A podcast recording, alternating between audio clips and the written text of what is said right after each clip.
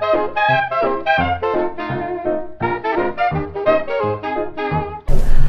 Sobat King Kong, balik lagi nih dengan aku Irhas yang bakal nemenin kalian selama beberapa menit ke depan di acara yang kita tunggu-tunggu apalagi kalau bukan King Kong, King of Nongkrong. Ini aku mau tanya dulu nih ke Sobat King Kong sekalian, apa kabar hari ini? Aku harap kalian pada baik-baik aja ya. Jangan sampai kecapean. Kalau misalnya kecapean, kalian bisa istirahat sambil dengerin podcast kesayangan kita yaitu podcast King Kong. Oke, lanjut aja. Mungkin kita perkenalan diri dulu kali ya. Bagi yang belum kenal, kita bakal kenalan dulu Sobat King Kong. Uh, Oke, okay, halo, nama aku Fakih Idas Firdaus. Aku ialah mahasiswa ilmu perpustakaan angkatan 2021. Nah, di segmen podcast King Kong kali ini kita membawakan tema yaitu cerita dan sekata dari ujung pengabdian desa. Nah, di sini aku nggak sendirian nih. Di sini aku ditemenin oleh dua orang hebat yang bakal ngasih insight baru ke kita uh, sama orang-orang yang sangat berpengalaman di bidangnya.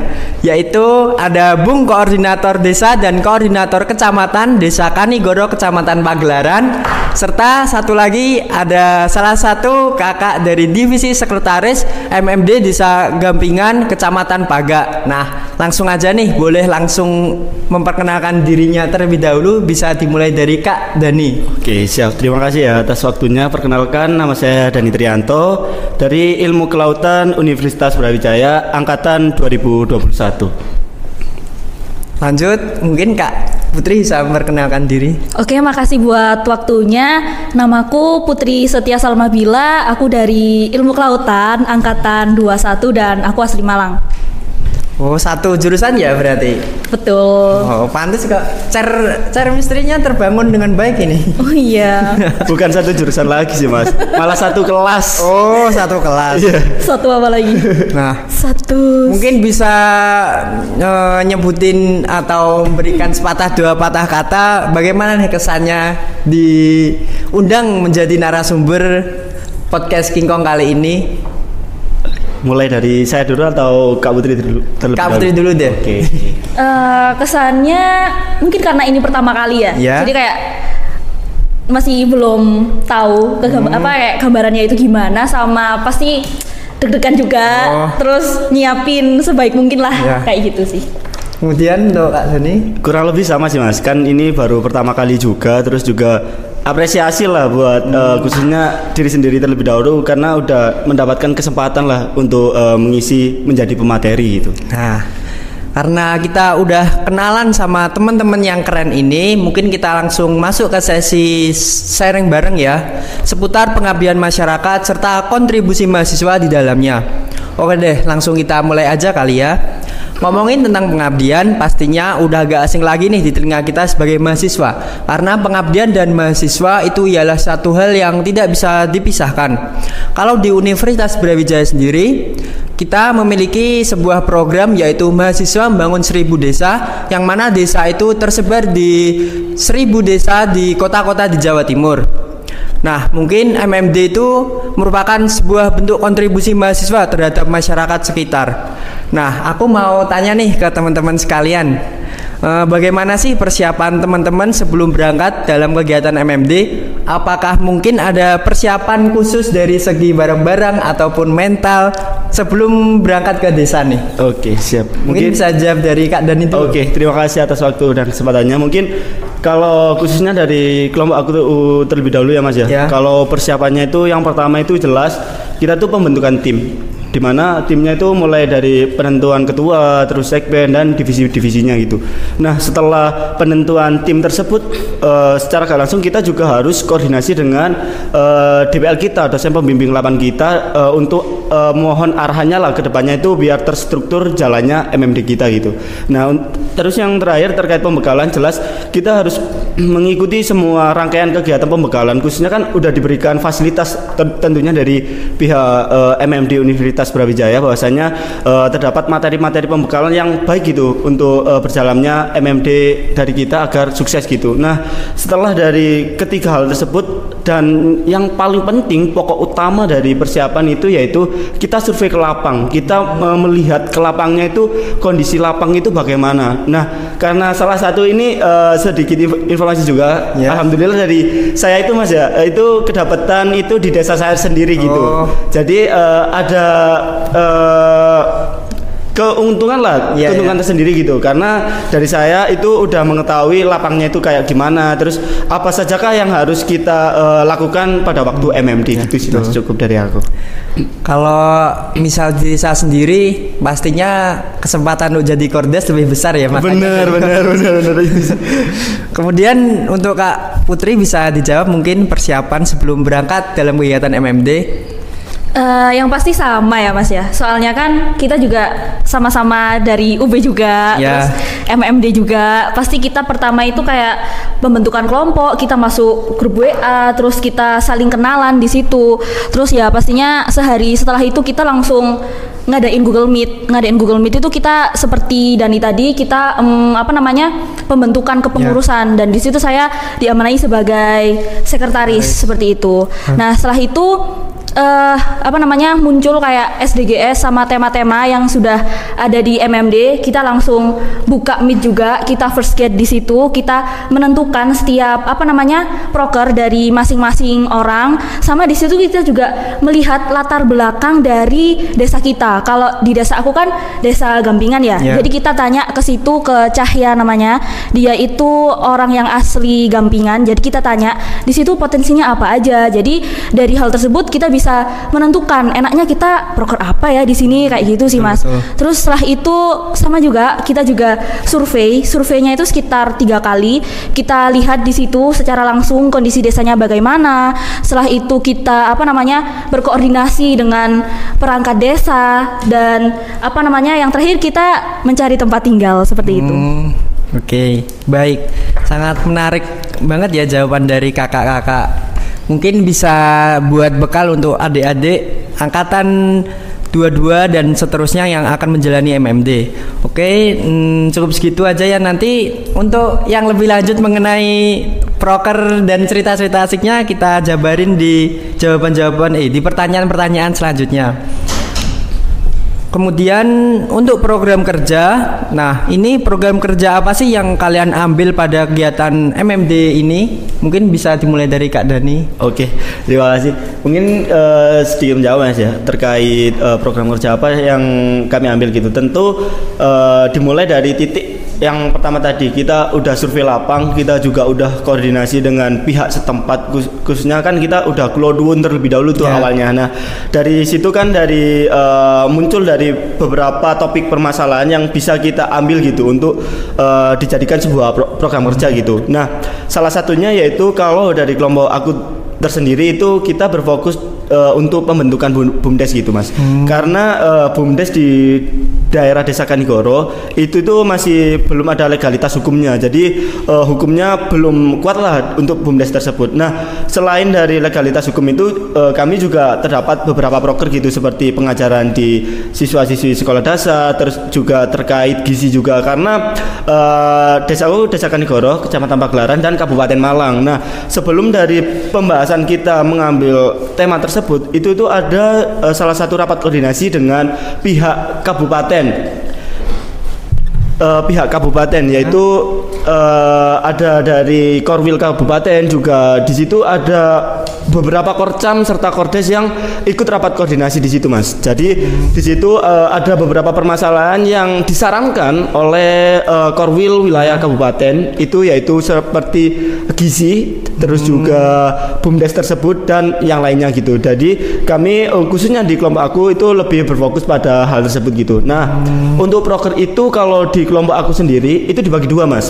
Ya. Jadi kelompok kecil, nah kelompok kecil ini maksudnya adalah proker-proker kecil yang untuk memenuhi eh, program kerja untuk penilaian di MMD ka- ka- kita gitu. Nah kalau dilihat dari proker-proker tersebut kan eh, outputnya gitu ke output yang diberikan ke masyarakat kan eh, hasilnya kayak kurang gitu loh, kurang Ya. terlihat nyata gitu Ya. kan. Nah jadinya eh, kami memiliki dua proker ya. Proker yang pertama ini adalah proker besar yang di mana outputnya itu terlihat nyata Iya. di eh, Desa Kanigoro yaitu eh, kalau di proker aku itu eh, yaitu pertama bikin tempat sampah, yang kedua itu kita penanaman tanaman hias dan ter- terus yang ketiga itu kita membuat barcode QRIS gitu. QRIS untuk pembayaran di sana gitu di- Oh. gitu sih Mas kalau dari aku gitu. Jadi untuk proker besar tadi bisa lebih dirasakan manfaatnya juga ya. Benar, benar, benar, benar gitu. Nah, eh, kalau aku mau tanya nih, eh, kalau dari Kak Dani sendiri proker yang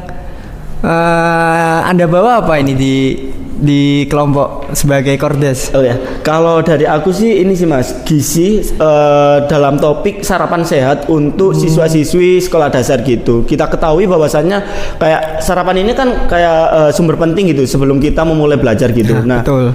Eh, kita eh, pada waktu kita ke labang itu melihat bahwasannya siswa-siswi sekolah dasar itu kayak eh, kurang sarapan gitu. Maksudnya kurang sarapan di sini itu banyak yang belum sarapan sebelum berangkat ke sekolah gitu. Jadi saya jadinya saya eh, mengambil tema tersebut dan sesuai dengan arahan Korwil tadi yang kurangnya Iya. gizi pada wilayah khususnya di kabupaten gitu sih Mas. Nah, untuk kegiatannya itu eh, apakah sosialisasi terus memberikan sarapan gratis atau bagaimana ya? Mungkin bisa dijabarkan.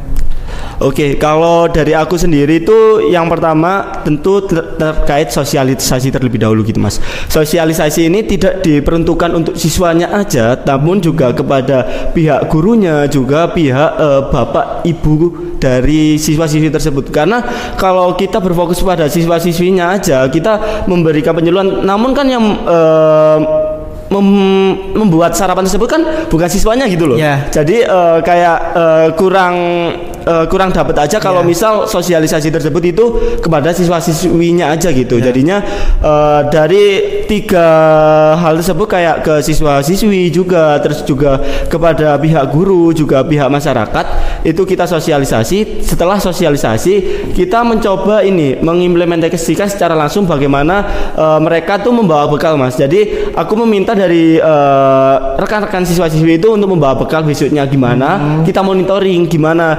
Meskipun kita udah menyuruh membawa sarapan kan kita mengetahui gitu. Sarapan kan eh, banyak gitu loh Mas. Ya. Jadi kita harus eh, monitoring sarapan itu udah memenuhi gizi yang baik atau belum gitu. Nah, setelah eh, membawa bekal itu mereka ternyata mayoritas udah baik gitu. Eh, udah memenuhi kayak karbohidratnya, pro- proteinnya, vitaminnya, seratnya, buah-buahnya itu udah memenuhi. Jadi eh, menurut aku terkait eh, program ini berhasil gitu, Mas. Oh, baik baik. Wah, keren banget gak sih dengerin paparan dari program kerjanya? Pastinya perlu effort lebih ya untuk menyukseskan program acara tersebut. Baik, selanjutnya kita kasih kesempatan kepada Kak Putri untuk menjawab pertanyaan. Masih ingat pertanyaannya nggak? Masih. Oh, jadi pertanyaannya aku ulangi lagi ya. Program kerja apa yang kalian ambil untuk kegiatan MMD ini? Eh, ini aku nyeritain proker aku sendiri atau boleh nyeritain proker kelompok juga nggak nih? Hmm, nyeritain proker pribadi dulu gak apa-apa deh. Mungkin kalau pengen nyeri- nyeritain proker kelompok bisa diceritain yang lain-lainnya juga. Oh oke mas. Eh, di sini aku ngambil proker tentang pengelolaan sampah begitu. Lalu di sini aku eh, menjurusnya itu ke pengelolaan limbah perikanan yang ada di desa Gampingan tersebut. Kan di desa Gampingan itu ada kuliner ya mas. Kalau di sini teman-teman masih belum tahu itu ada namanya wisata Mahani Dempok.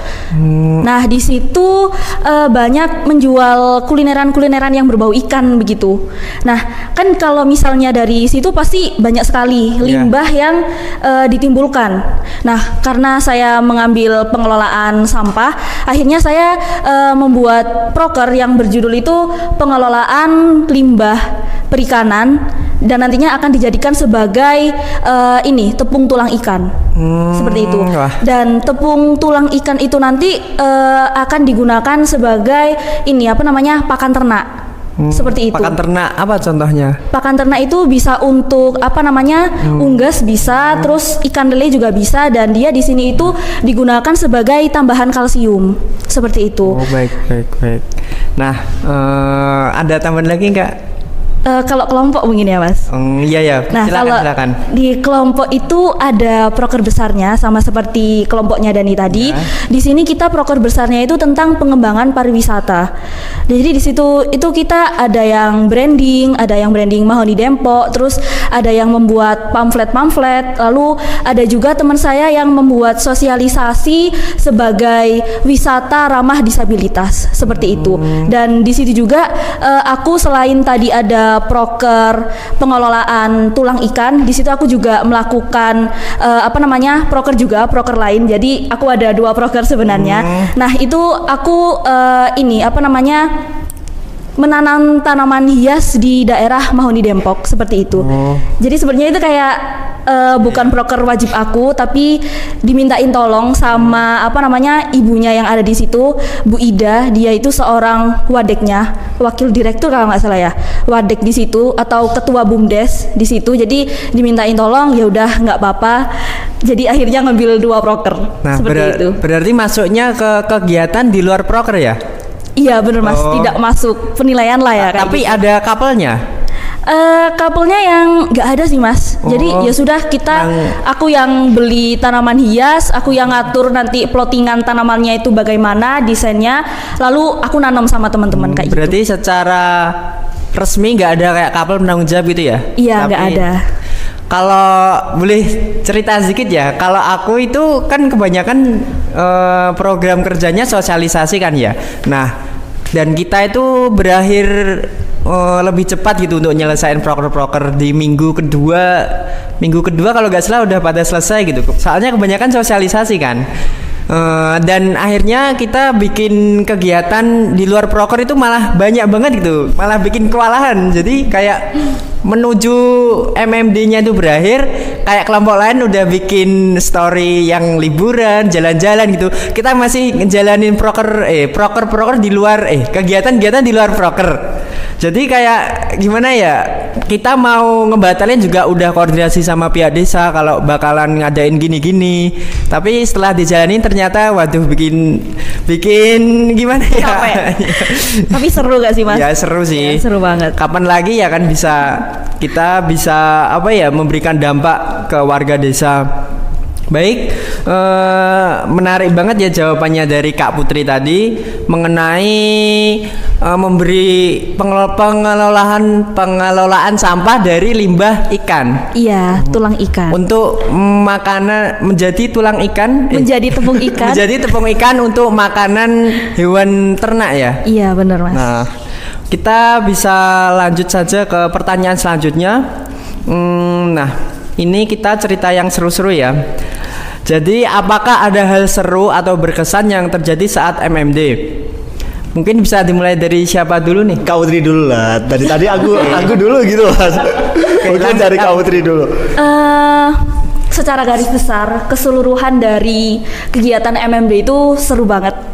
Soalnya di situ aku dapat menemukan teman-teman yang apa ya, yang satu frekuensi, yang eh, intinya nyaman banget lah kalau kumpul sama mereka, prokeran sama mereka itu seru banget. Dan jadi itu yang membuat aku betah dan alhamdulillah MMD ini ternyata nggak seburuk yang aku pikirin kayak gitu. Lalu untuk eh, hal-hal yang berkesan itu saat kita kunjungan ke Desa Bumi Rejo, kan di Desa Gampingan itu ada lima dusun ya mas. Iya. Nah salah satunya itu Bumi Rejo. Nah ternyata Bumi Rejo itu sangat jauh banget dari lokasi kita. Soalnya dia itu kayak muterin gunung dulu, baru kita bisa sampai ke sana. Tapi ya nggak gunung juga sih mas. Intinya kayak dataran tinggi gitu lah. Nah di situ itu kayak hmm, apa namanya jalannya rusak banget sebagian tapi jadi di situ kayak kalau misalnya kita mau ke Bumi Rejo itu kayak ayo siap-siap kita melewati desa Seribu Lubang kayak gitu itu juga cukup seru. Terus eh, yang seru lagi itu sebenarnya ini juga berkesan sih bukan seru aja. Ternyata di desa Gampingan itu kepala desanya sama orang-orang yang cukup penting di desa itu eh, pemimpinnya itu seorang perempuan.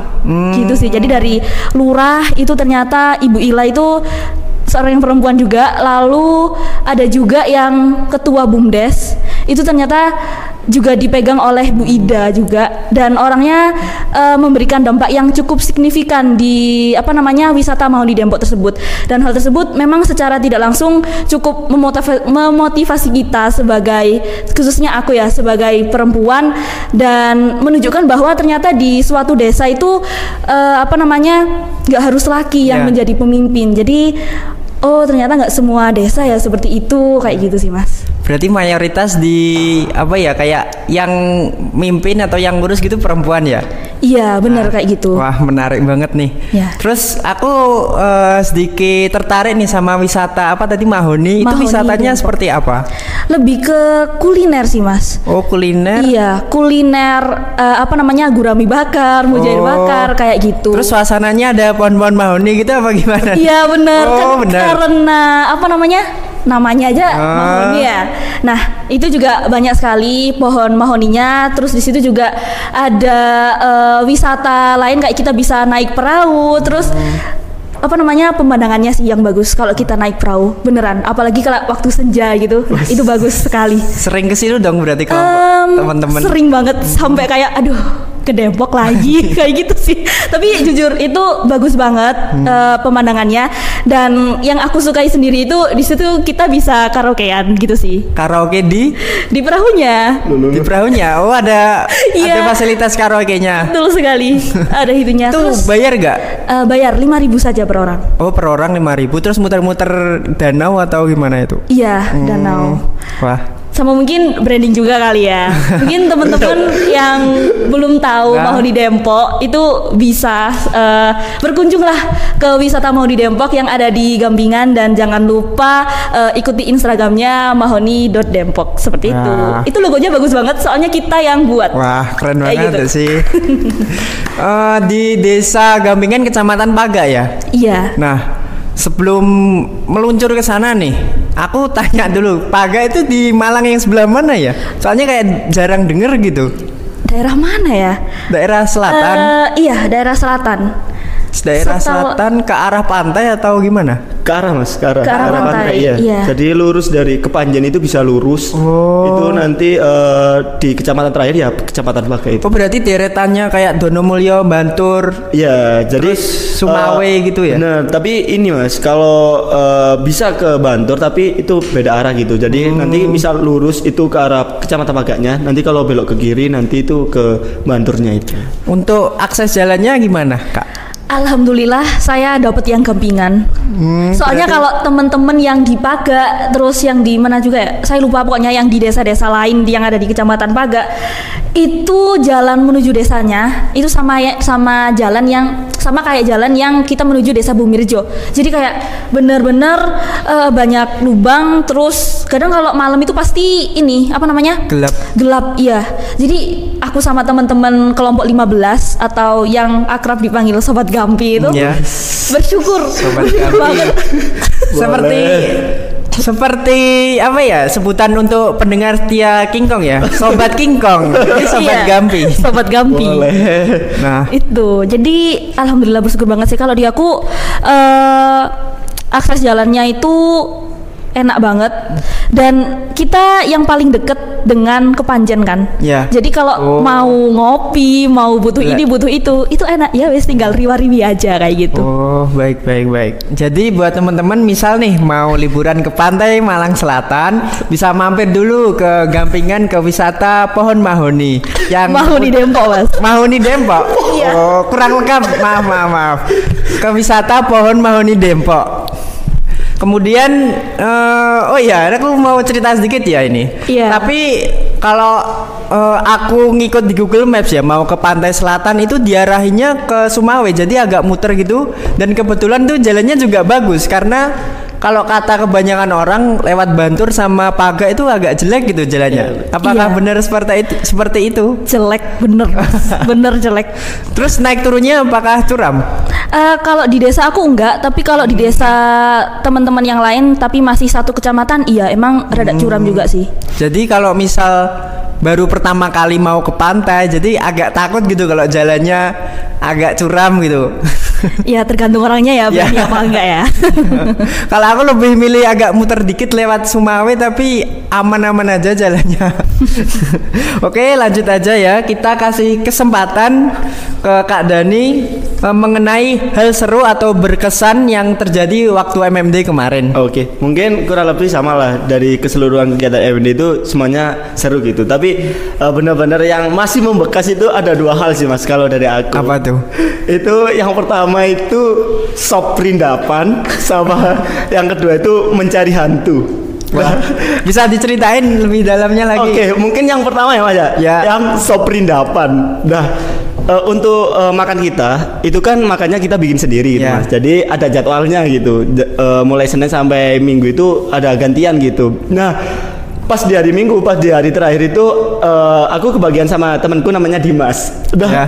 dalam satu full MMD kita itu eh, masaknya tuh nggak pernah ganti mas. Jadi sop dan, dan itu sopnya tuh sop perindapan banget sih mas. Jadi pakai tangan gitu ya udah lah mas. Gimana bikin kayak eh, makanan-makanan perindapan ya. Seperti itu. Dan terus juga ini sih mas yang menjadi titiknya. Pada waktu makan Ya. aku nggak ikut makan. Jadi pada waktu makan itu aku pulang karena kan rumahku juga di situ kan jadi temen-temennya makan hasil sop perindapanku aku nggak makan Waduh, nggak bertanggung jawab ini ya. Yang masak dia malah dia nggak nggak mau makan. Itu eh, emang bener-bener setiap masak sop terus. siap mas pas bagianku sama Dimas itu sop Kenapa nggak mau nyoba yang lainnya masak mie atau masak telur atau apa gitu? Eh, dalam minggu kedua kalau nggak salah mas. Minggu kedua itu awalnya kita tuh mau bikin eh, capcay Iya. nah bahan-bahan untuk mau bikin capcay itu jurusannya tuh mau bikin sop. Jadi kita kembali lagi beli tempe sama tahu sebagai pelengkapnya. Jadi, jadi nggak ada kepikiran lagi selain sop. Itu sih mas kalau yang pertama. Iya. terus untuk yang kedua itu terkait mencari hantu mas nah ini Gimana ini- tuh? ini agak serem sih mas. Jadi Waduh. Waduh, agak jadi nih. iya eh, awalnya tuh gini sih mas. Jadi eh, di penginapanku itu tuh ternyata itu kayak angker-angker gitu mas. Hmm, jadi eh, setiap malam itu jadinya eh, kita tuh kayak ada was-was tersendiri gitu mas. Was-was tersendiri eh, takutnya ada hantu gitu.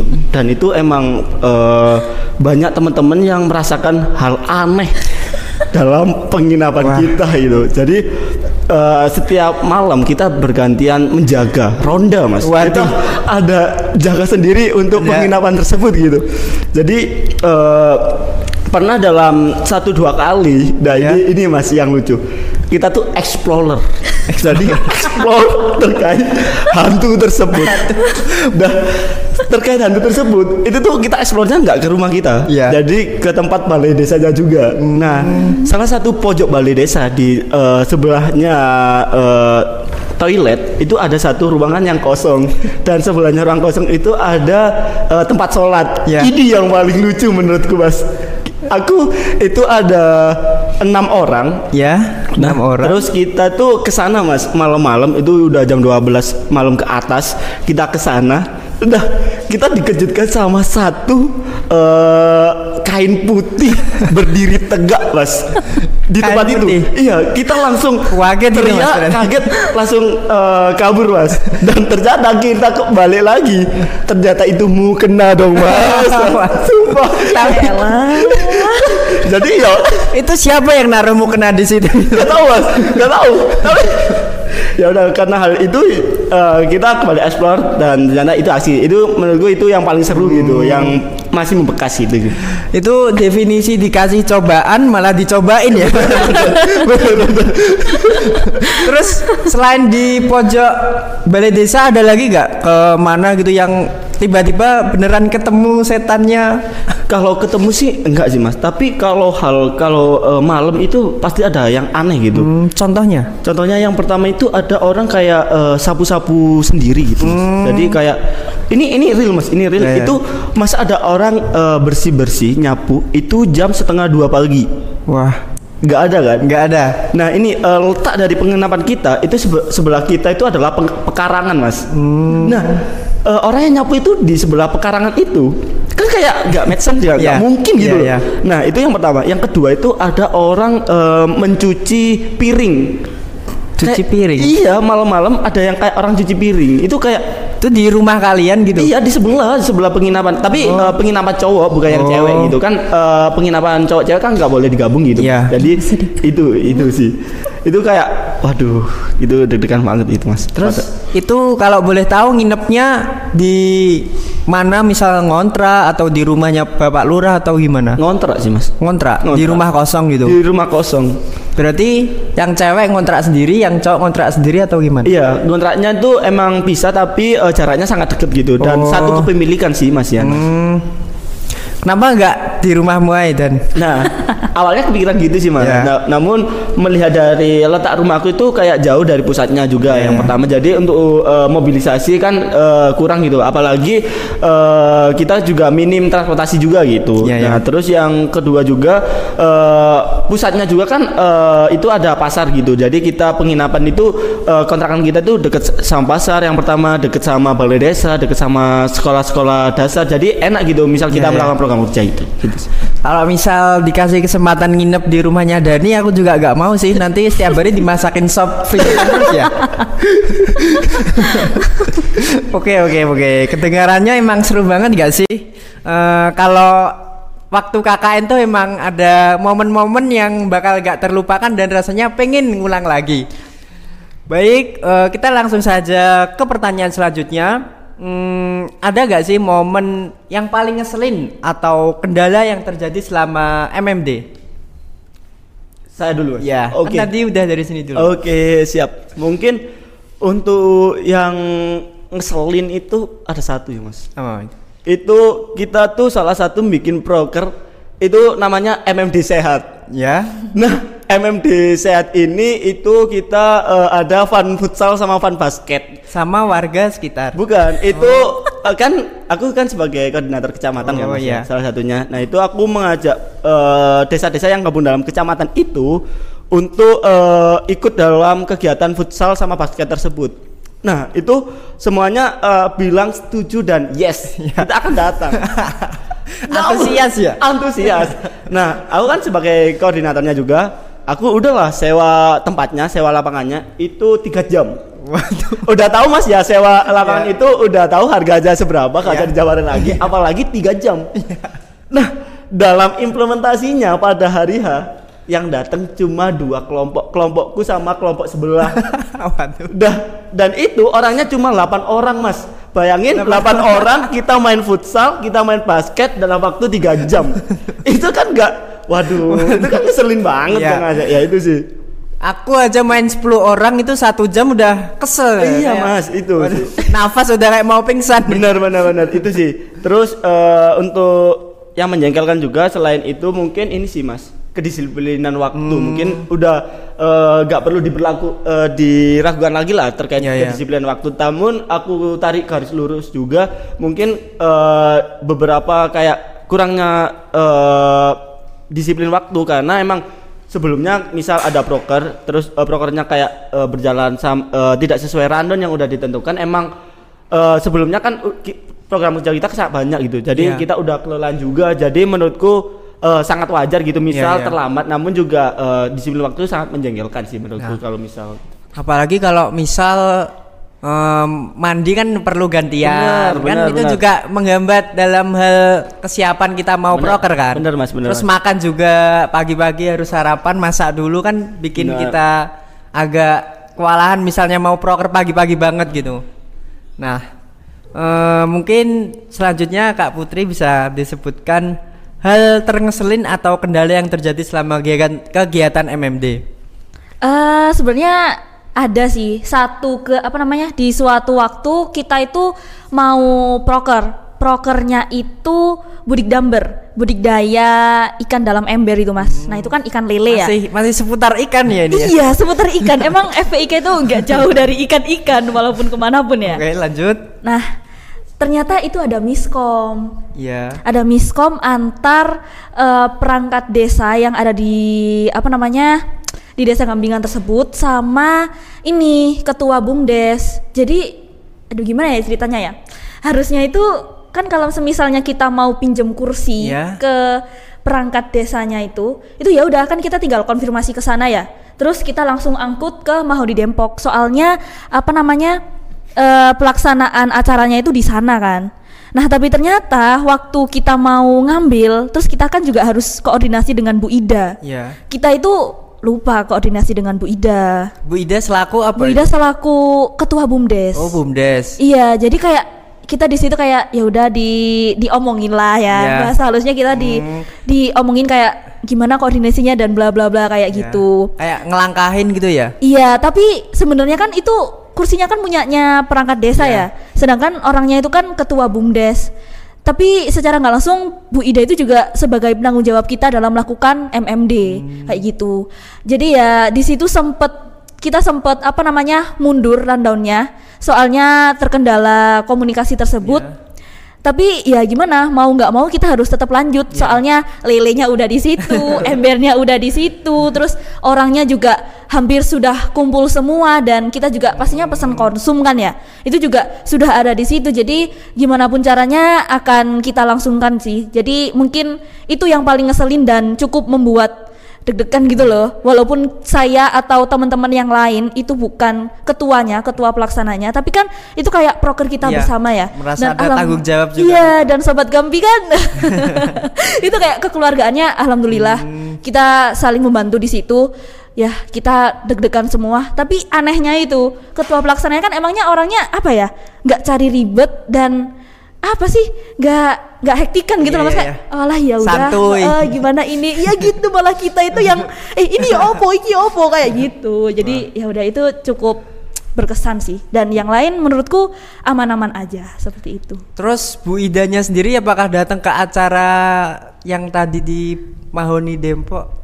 Eh sebenarnya saya agak lupa ya mas. Tapi insya Allah orangnya kayaknya datang deh dan memberi sambutan juga kayak gitu Takutnya kalau datang di acara itu dengan wajah yang agak gak enak gitu ke kalian iya gitu tapi kan. emang Bu Ida ini orangnya tegas Hmm. Wala- dan kalau semisalnya dibandingkan dengan keluarga saya gitu itu termasuk nenek saya Oh, kayak wow orang ini produktif sekali di umur segitu jadi kayak ya ya. tipikal orang-orang zaman dahulu gitu sih Iya, baik baik baik. Eh, untuk kendala atau masalah sih kalau dalam kegiatan MMD pasti ada ya gak bisa dielakkan lagi. Iya, Tapi pasti ada. eh, tergantung kita gimana nyikapinya dan gimana ngatasinya kalau misal ada kendala atau masalah itu sendiri. Benar. emang kayak kita sebagai mahasiswa kayak diuji banget gitu ya dalam problem solving kita bermasyarakat kemarin ya kan? iya Nah, Dan izin menambahkan juga eh, peran kelompok itu juga sangat membantu gitu. Contohnya kan kayak misalnya ada orang-orang yang kalau ada suatu masalah langsung ngambek, langsung Iya, iya, iya. udahlah dilepas cul gimana gitu. Tapi alhamdulillahnya di sini eh, kelompok aku itu kayak kalau ada masalah ya udah tenang semuanya, diomongin bareng-bareng, enaknya gimana. Jadi walaupun ada masalah kayak nggak kerasa kalau itu itu masalah gitu sih. Itu kalau pandangan dari aku Wah. kayak gitu.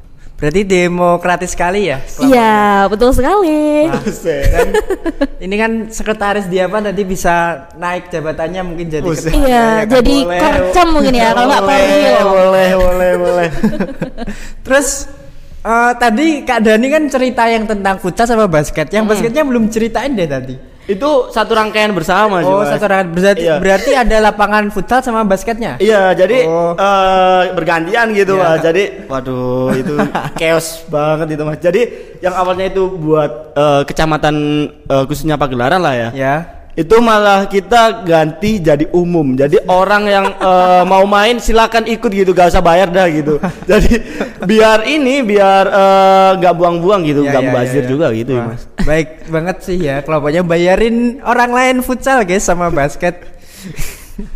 Terus kenapa kok milih basket? Biasanya kan kalau anak-anak itu ada cewek cowok atau cowok aja?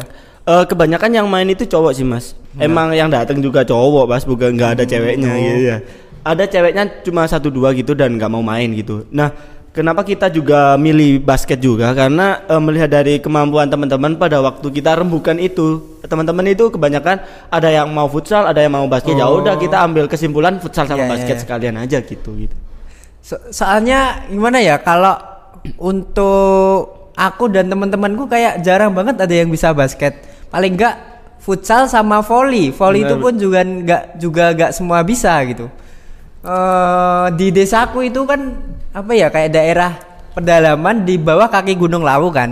Nah, itu orang-orangnya kayak pinter banget volley. Nah, kita mencoba nih Iya, membaur sama warga desa ikut benar. volley. Kita ngangong-ngangong doang gini, gini doang.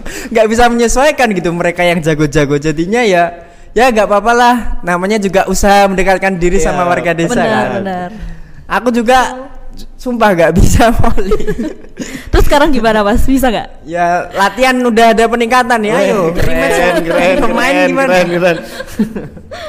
Oke, kita lanjut ke pertanyaan terakhir nih. Waduh, nggak terasa ya udah ke pertanyaan terakhir nih. Waduh iya mas, bener banget. Eh, tips and trick selama MMD yang mesti dilakuin tuh apa aja sih? Mungkin bisa jadi wawasan baru buat adik-adik kita. Dari siapa dulu nih? Silahkan.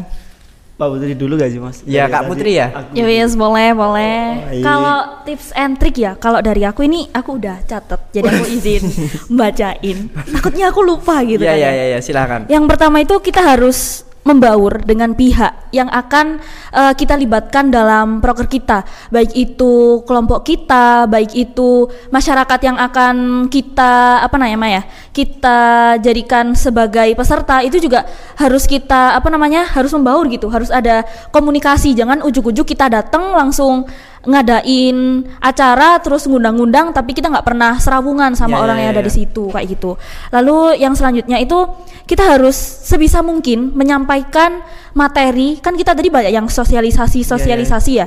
Soalnya ya dalam kurun waktu satu bulan Ya, yang benar. efektif 13 proker kalau nggak 14 itu ya ya itu sosialisasi salah Ya, ya, satunya.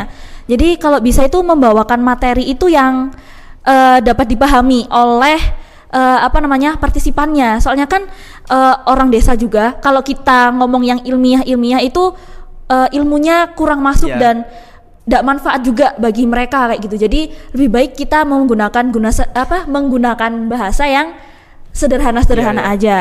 Terus ini nih kita harus kompak satu sama lain. benar, benar. Biar kalian itu kerasan di situ. Iya, iya, Jadi iya. kalian itu kayak nggak mau pulang. Aku pengen MMD terus kayak gitu. Ya intinya eh, sebisa mungkin membangun atmosfer kelompok itu yang apa ya? Yang enak gitu loh. Jangan sampai ada kubu-kubuan terus Nah, dan yang lain-lainnya seperti itu. Banyak sekali ceritanya ya. Ya, ya, ya, ya. Dari teman-teman sekitarku banyak banget nih. Iya betul. Kok teman sekitarku kelompokku aja. Oh gitu. waduh, waduh, waduh, waduh. Gak relate nih sama aku. Wah, lanjut, lanjut. Terus yang terakhir itu kita harus menjaga tata, tra- tata krama dan jangan mudah disetir oleh pihak yang lain. Hmm. Jadi biasanya kan pasti banyak pihak yang eh Mas minta tolong ini aja, Iya, ini iya. aja pokernya gitu. Lah kalau nggak sesuai kemampuan kita dan nggak sesuai budget yang ada di kita kan kita Sama ya, aja ya. kayak apa ya? menyusahkan diri Iya, iya. sendiri. Jadi sebisa mungkin itu itu tadi sih. Kita tetap menjaga tata krama namun jangan sampai kita diarahkan atau terlalu diarahkan lah sama pihak-pihak yang lain. Jadi kita harus tetap pada pendirian seperti itu sih, Mas. Jadi melakukan proker berdasarkan kemampuan kita tapi juga disesuaikan dengan permasalahan dan potensi yang, ada. di desa Iya, ya. betul sekali. Nah, eh, kemudian untuk Kak Dani bisa langsung menjawab. Waduh, kurang lebih sama ya Mas sudah dijabarkan rinci oleh Pak Putri nih. Aku sampai bingung mau jawab apa ini sebenarnya. Mungkin emang benar. Yang pertama itu kita harus deket sama kelompok kita ter- Iya. terlebih dahulu. Jadi eh, poin utamanya itu dengan kelompok. Misal eh, soalnya kita kan selama MMD itu eh, yang ikut andil di dalamnya itu pasti sama kelompok, nggak mungkin yang lain Iya, di luar iya. kelompok itu sendiri. Jadi misal eh, kalau sama kelompok kalian udah akrab, udah enak, udah satu suara itu kan bakal enak ke depannya. Mau ngapain aja itu udah mengetahui satu sama lain gitu loh. Dan yang kedua tentu juga kita pada waktu pengambilan proker salah satunya itu harus mengerti eh, titik permasalahannya. Jangan ujuk-ujuk langsung bikin proker yang itu tuh prokernya tuh nggak menjawab permasalahan juga akan ti- tidak akan menimbulkan output yang baik gitu loh. Jadinya proker yang udah kita bikin nantinya eh, selama waktu ke depan itu nggak akan digunakan lagi gitu. Jadinya eh, sebisa mungkin itu lihat lapang dulu, lihat permasalahannya terlebih dahulu, apa yang men- proker apa yang menjadi baik gitu untuk misal salah satu desa tersebut gitu. Jadi outputnya bisa dipakai eh, dalam jangka panjang gitu, nggak jangka pendek gitu. Ya. Terus yang ketiga, bener yang apa dikatakan Putri tadi, kita tuh harus kulonwun terlebih dahulu. Kita harus izin, harus eh, menjaga attitude, tata krama itu menjadi poin penting. Soalnya eh, kita kan di situ adalah salah satunya adalah orang baru. Ya. Misal kita tidak bisa mengikuti aturan yang di sana, maka kita akan dikucilkan dan dikucilkan itu bisa jadi kita tidak diperbolehkan untuk menjalankan proker-proker yang udah kita susun, proker-proker yang baik untuk kemajuan desa, malah tidak bisa berjalan dengan baik gitu. Eh, tadi kan dari dua narasumber kita menekankan pada kebersamaan dari setiap anggota kelompok. Nah, aku mau ngasih pertanyaan tambahan ini. Waduh. Oh, kalau dari kalian sendiri, Waduh. ini gimana cara misal ngedeketin atau ngekompakin dari anggota kelompok satu sama lain? Misal dari jauh-jauh hari ngeusahain untuk sering main bareng atau kumpul bareng atau gimana? Hmm, mungkin dari Putri dulu. Iya kan mungkin di sini kan Dani kordes ya, jadi Iya. akhir-akhir lah ya. gitu. Ya ya ya. Boleh, boleh. Jadi kata-kata yang penting-penting aja ya di- di akhir-akhir. Betul. Iya. Eh, apa ya maksudnya? Kalau aku kalau aku ya ya membaur aja. Hmm. Terus eh, kayak harus semua orang itu harus di apa ya? Disapa gitulah intinya. Jangan sampai kalau misalnya ada teman kita yang lain yang kayak menyendiri terus kita biarkan nggak kita Hmm. sapa nggak kita aja itu jangan sampai kayak gitu ya mungkin memang butuh waktu tapi kan pada akhirnya kita semuanya eh, rukun dan bahagia satu sama lain Iya. gitu ya Eh, dan itu menurutku juga tergantung kordesnya waktu awal sih kalau di aku dulu itu kita itu kayak langsung ngadain first get Hmm. terus kita ngadain survei bareng dan kalau main bareng enggak sih mas soalnya kan ada kuliah ya Nggak sempet ya? Iya, nggak sempet. Apalagi anak FPK ngerjain lapra ya? Ah, Aduh. Ini tadi banget tuh. Waduh. sebelum podcast aja ini bahas tugas, bahas lapra. Aduh, aku yang denger udah pusing. Jangan disepil di sini dong, Mas. ya intinya kita masing-masing pribadi harus bisa membaur dengan teman-teman kita yang lain supaya kita bisa saling menerima seperti itu sih mas kalau dari aku Oke, lanjut. Wah, mungkin kalau dari aku untuk meningkatkan kebersamaan, ni- meningkatkan eh, nilai kekeluargaannya, bener yang pertama tuh kita harus banyak bonding sih mas. Ya. Dari bonding itu kita eh, mengerti tah apa yang disukai, apa yang tidak disukai. Nah dari hal tersebut kita bisa melakukan, eh, oh aku karena ini nggak bisa seperti ini gitu, biar menjaga perasaannya juga, Ya, ya. biar kekeluarganya tuh tetap gitu, tetap baik gitu. Nah selain eh, itu juga mungkin mu- karena kendala waktu ya mas ya terkait bonding juga nggak bisa bonding yang kayak liburan ke pantai lah liburan ke tempat ini itu kan eh, nggak mungkin kan jadinya mu- mungkin bisa menjadi hal-hal kecil seperti kita main badminton bareng layangan bareng gitu-gitu sih mas kalau dari aku masak bareng makan bareng Ya, gitu sih apalagi masak sop perindapan tuh. Aduh. Gimana gadis perindapan perindapannya? Apakah mengecewakan apakah gimana rasanya? Isinya kentang doang, waduh. Paling kalau mungkin posisi positif thinking aja ya waktu belanja itu beli kentangnya kebanyakan daripada mubazir ya kan? Eh, bukan itu sih mas. Eh, dari aku kan juga eh, dulunya mau eh, masuk ke dokteran. Waduh. Aku udah ini udah belajar sedikit lah tentang kedokteran. Jadi gizi karbohidrat yang baik kan salah satunya dari kentang. Gitu. Wah. Jadi kita membaca kentang biar karbohidratnya tuh tinggi gitu di Wah. situ. Ini wawasan baru loh. Wawasan baru sih mas. Jadi udah belajar gitu terkait hal tersebut gitu. kok sesat ya apa mau anu S2 kedokteran? Eh, Satunya FPK, S2-nya kedokteran itu juga gak apa-apa kayaknya. Bisa jadi sih mas. Bisa Tadi jadi. jadi dokter ikan atau dokter apa? Iya, bener bener bener bener bener bener. Soalnya kan jadi dokter kan idaman juga Iya. kan bagi orang-orang gitu. Jadi saya juga ingin masuk pendidikan kedokteran lah. ya tapi ditolak Loh, jangan di-spill di sini dong. Jangan disebut di sini dong. Di-spill di sini dong. Terus aku mau tanya nih, eh, kalau ngomongin kita balik lagi ke topik yang kebersamaan tadi ya. Kan untuk kebersamaan sendiri jadi ngelakuin apa-apa harus bareng kan. Gak boleh ada yang satu tertinggal gak diajak atau gimana gitu. Nah, di kelompok kalian ada gak sih kayak ada orang anggota yang misal diajak berpartisipasi dalam kebersamaan itu kayak nggak mau atau misal dia pengennya sendiri itu ada gak dan misalnya ada gimana cara kalian untuk ngatasinya gitu? Mungkin dari aku dulu nih Iya. ya. Oke. Kalau dari aku untuk semuanya itu aman. Kalau misal menjalankan sebuah proker, menjalankan sebuah kegiatan untuk masyarakat gitu. Namun ada salah satu untuk ini di luar dari kegiatan proker ya, Iya. Mas ya. Untuk misal kita mau bonding badminton itu kayak agak sulit diajak gitu. Hmm. Itu ada satu. Nah, cara aku salah satunya aku sebagai kordes, cara aku untuk mm, memper- memecahkan masalah tersebut itu tuh dengan yang pertama jelas aku tuh bareng terus sama dia kayak tidur juga bareng gitu serius serius aku tidur Cowok kan mas? cowok cowok. Cowok cewek. cowok cowok nah aku tidur bareng sama dia dan kan ada enam cowok mas ya? Iya. nah itu tuh cuma dua kamar. Nah yang tidur sama dia tuh cuma aku doang. Yang lainnya tuh di kamar sebelah. Sebenarnya saya aku juga mau di kamar sebelah sih mas. Enggak lah ada. Tapi demi kebersamaan. demi ya. kebersamaan. Jadi itu Demi merangkul ya kan. demi merangkul juga dengan hal tersebut eh, apa-apa juga aku libatkan dia. Misal badminton juga aku ayo eh, main ini ayo main ini. Jadinya dia juga eh, ikut juga. Secara perlahan dia juga ikut. Terus juga pada waktu eh, tidur juga maupun eh, misal rapat aku du- duduk dengan dia.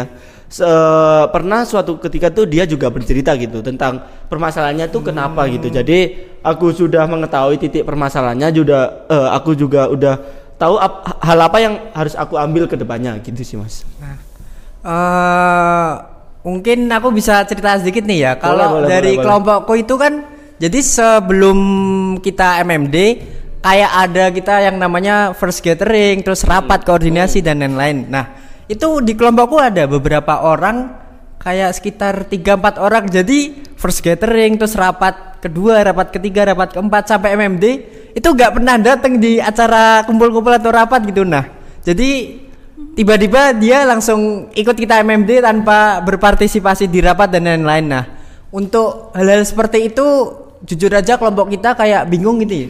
Kayak gimana ngatasinya, gimana ini cara ngajaknya. Jadi ya udah berjalan aja akhirnya mereka yang nggak pernah ikut rapat tuh ngelakuin MMD bareng kita sama-sama dan untungnya bisa diajak kerja bareng sih walaupun sebelum-sebelumnya nggak pernah hadir gitu. Kalau cerita sedikit ya. Nah, Apa bisa tuh? langsung lanjut. wah banyak nih mas permasalahannya kayaknya Eh, kalau di aku awal-awal mungkin satu minggu sebelum kita prokeran itu ada satu dua orang lah yang mungkin memang belum cukup membaur sama kita semua. Mungkin waktu kita eh, apa namanya berkumpul di ruang tamu, terus di situ kita kayak apa sih namanya bercanda bareng Iya, gitu iya, lah ya. iya. Ya Serawung, mungkin serawung. serawungan. itu masih belum ikut. Tapi waktu setelah kita prokeran akhirnya kan banyak interaksi Iya, iya, tuh. Pasti kita melibatkan semua kelompok, eh maksudnya semua anggota kelompok. Ya akhirnya ikut membaur juga dan ternyata emang orangnya sedikit introvert sedikit. Tapi di akhir-akhir MMD kita semuanya kayak yaudah jadi satu gitu sih. Jadi kalau kayak permasalahan yang permasalahan kayak punya kelompoknya sampean terus kayak Dani yang satu orang tadi di aku hampir nggak ada Ah, kayak gitu. hampir perfect ya berarti kelompoknya. Iya, sobat Bohong Yampri sih. bro. sepertinya ditutup-tutupin bisa jadi ya Bisa jadi bisa ya. sih bisa jadi Makanya tadi nyiapin jawaban dia. benar benar benar bisa jadi ditutup-tutupin Ini kan ini jawab apa Iya kan? pertanyaan biar di luar. biar gak salah ngomong Iya. salah itu tadi Iya makanya. biar biar image kelompoknya tuh baik terus gitu. Bisa jadi mas, nggak tahu gitu. Astagfirullah. cukup cukup cukup wah mantep banget gak sih jawaban dari Kak Dani dan Kak Putri terkait dengan tips and trick yang udah disebutin tadi? Kayak misalkan kita harus klonuwun dulu ke warga sekitar ke warga desa yang akan kita apa ya akan kita tempati desanya dan kemudian ada kebersamaan juga yang penting yaitu kebersamaan dari antar setiap anggota kelompok agar kita nanti waktu kerja bareng bisa enak terus kita bisa kerasan dan nggak pengen balik ke tem- ke daerah masing-masing kemudian eh, wah nggak terasa nih ternyata kita masuk ke sesi penutupan nih karena keasikan ngobrol Waduh. ternyata udah di penghujung acara nih Nah, dari rangkaian sesi sharing di awal sampai akhir tuh rasanya seru banget gak sih ngobrol Seru, seru, sama Mas. Kak Dani dan Kak Putri. Apalagi dua orang ini eh, apa ya tipe-tipe orang yang enak banget gitu diajak ngobrol, diajak bercanda. Tapi eh, untuk teman-teman jangan khawatir ya bagi kalian yang ingin mengajukan pertanyaan dan mungkin belum terjawab di podcast kali ini bisa langsung aja tanya langsung ke Instagram narasumber kita. Kak Dani boleh disebutkan nah, Instagramnya apa? Oke, oke Instra- Instagram ya Mas ya. Mungkin eh DAN titik Trianto. Eh I Trianto. Hmm, Udah terus cari sendiri itu, gak tahu Oke. gimana. jangan lupa di follow ya. Jangan lupa di follow. Boleh. Terus untuk Di Kak. Putri? Kalau aku Putri titik SSB. Oh, Putri SSB. Jangan lupa di Ya. follow ya, teman-teman.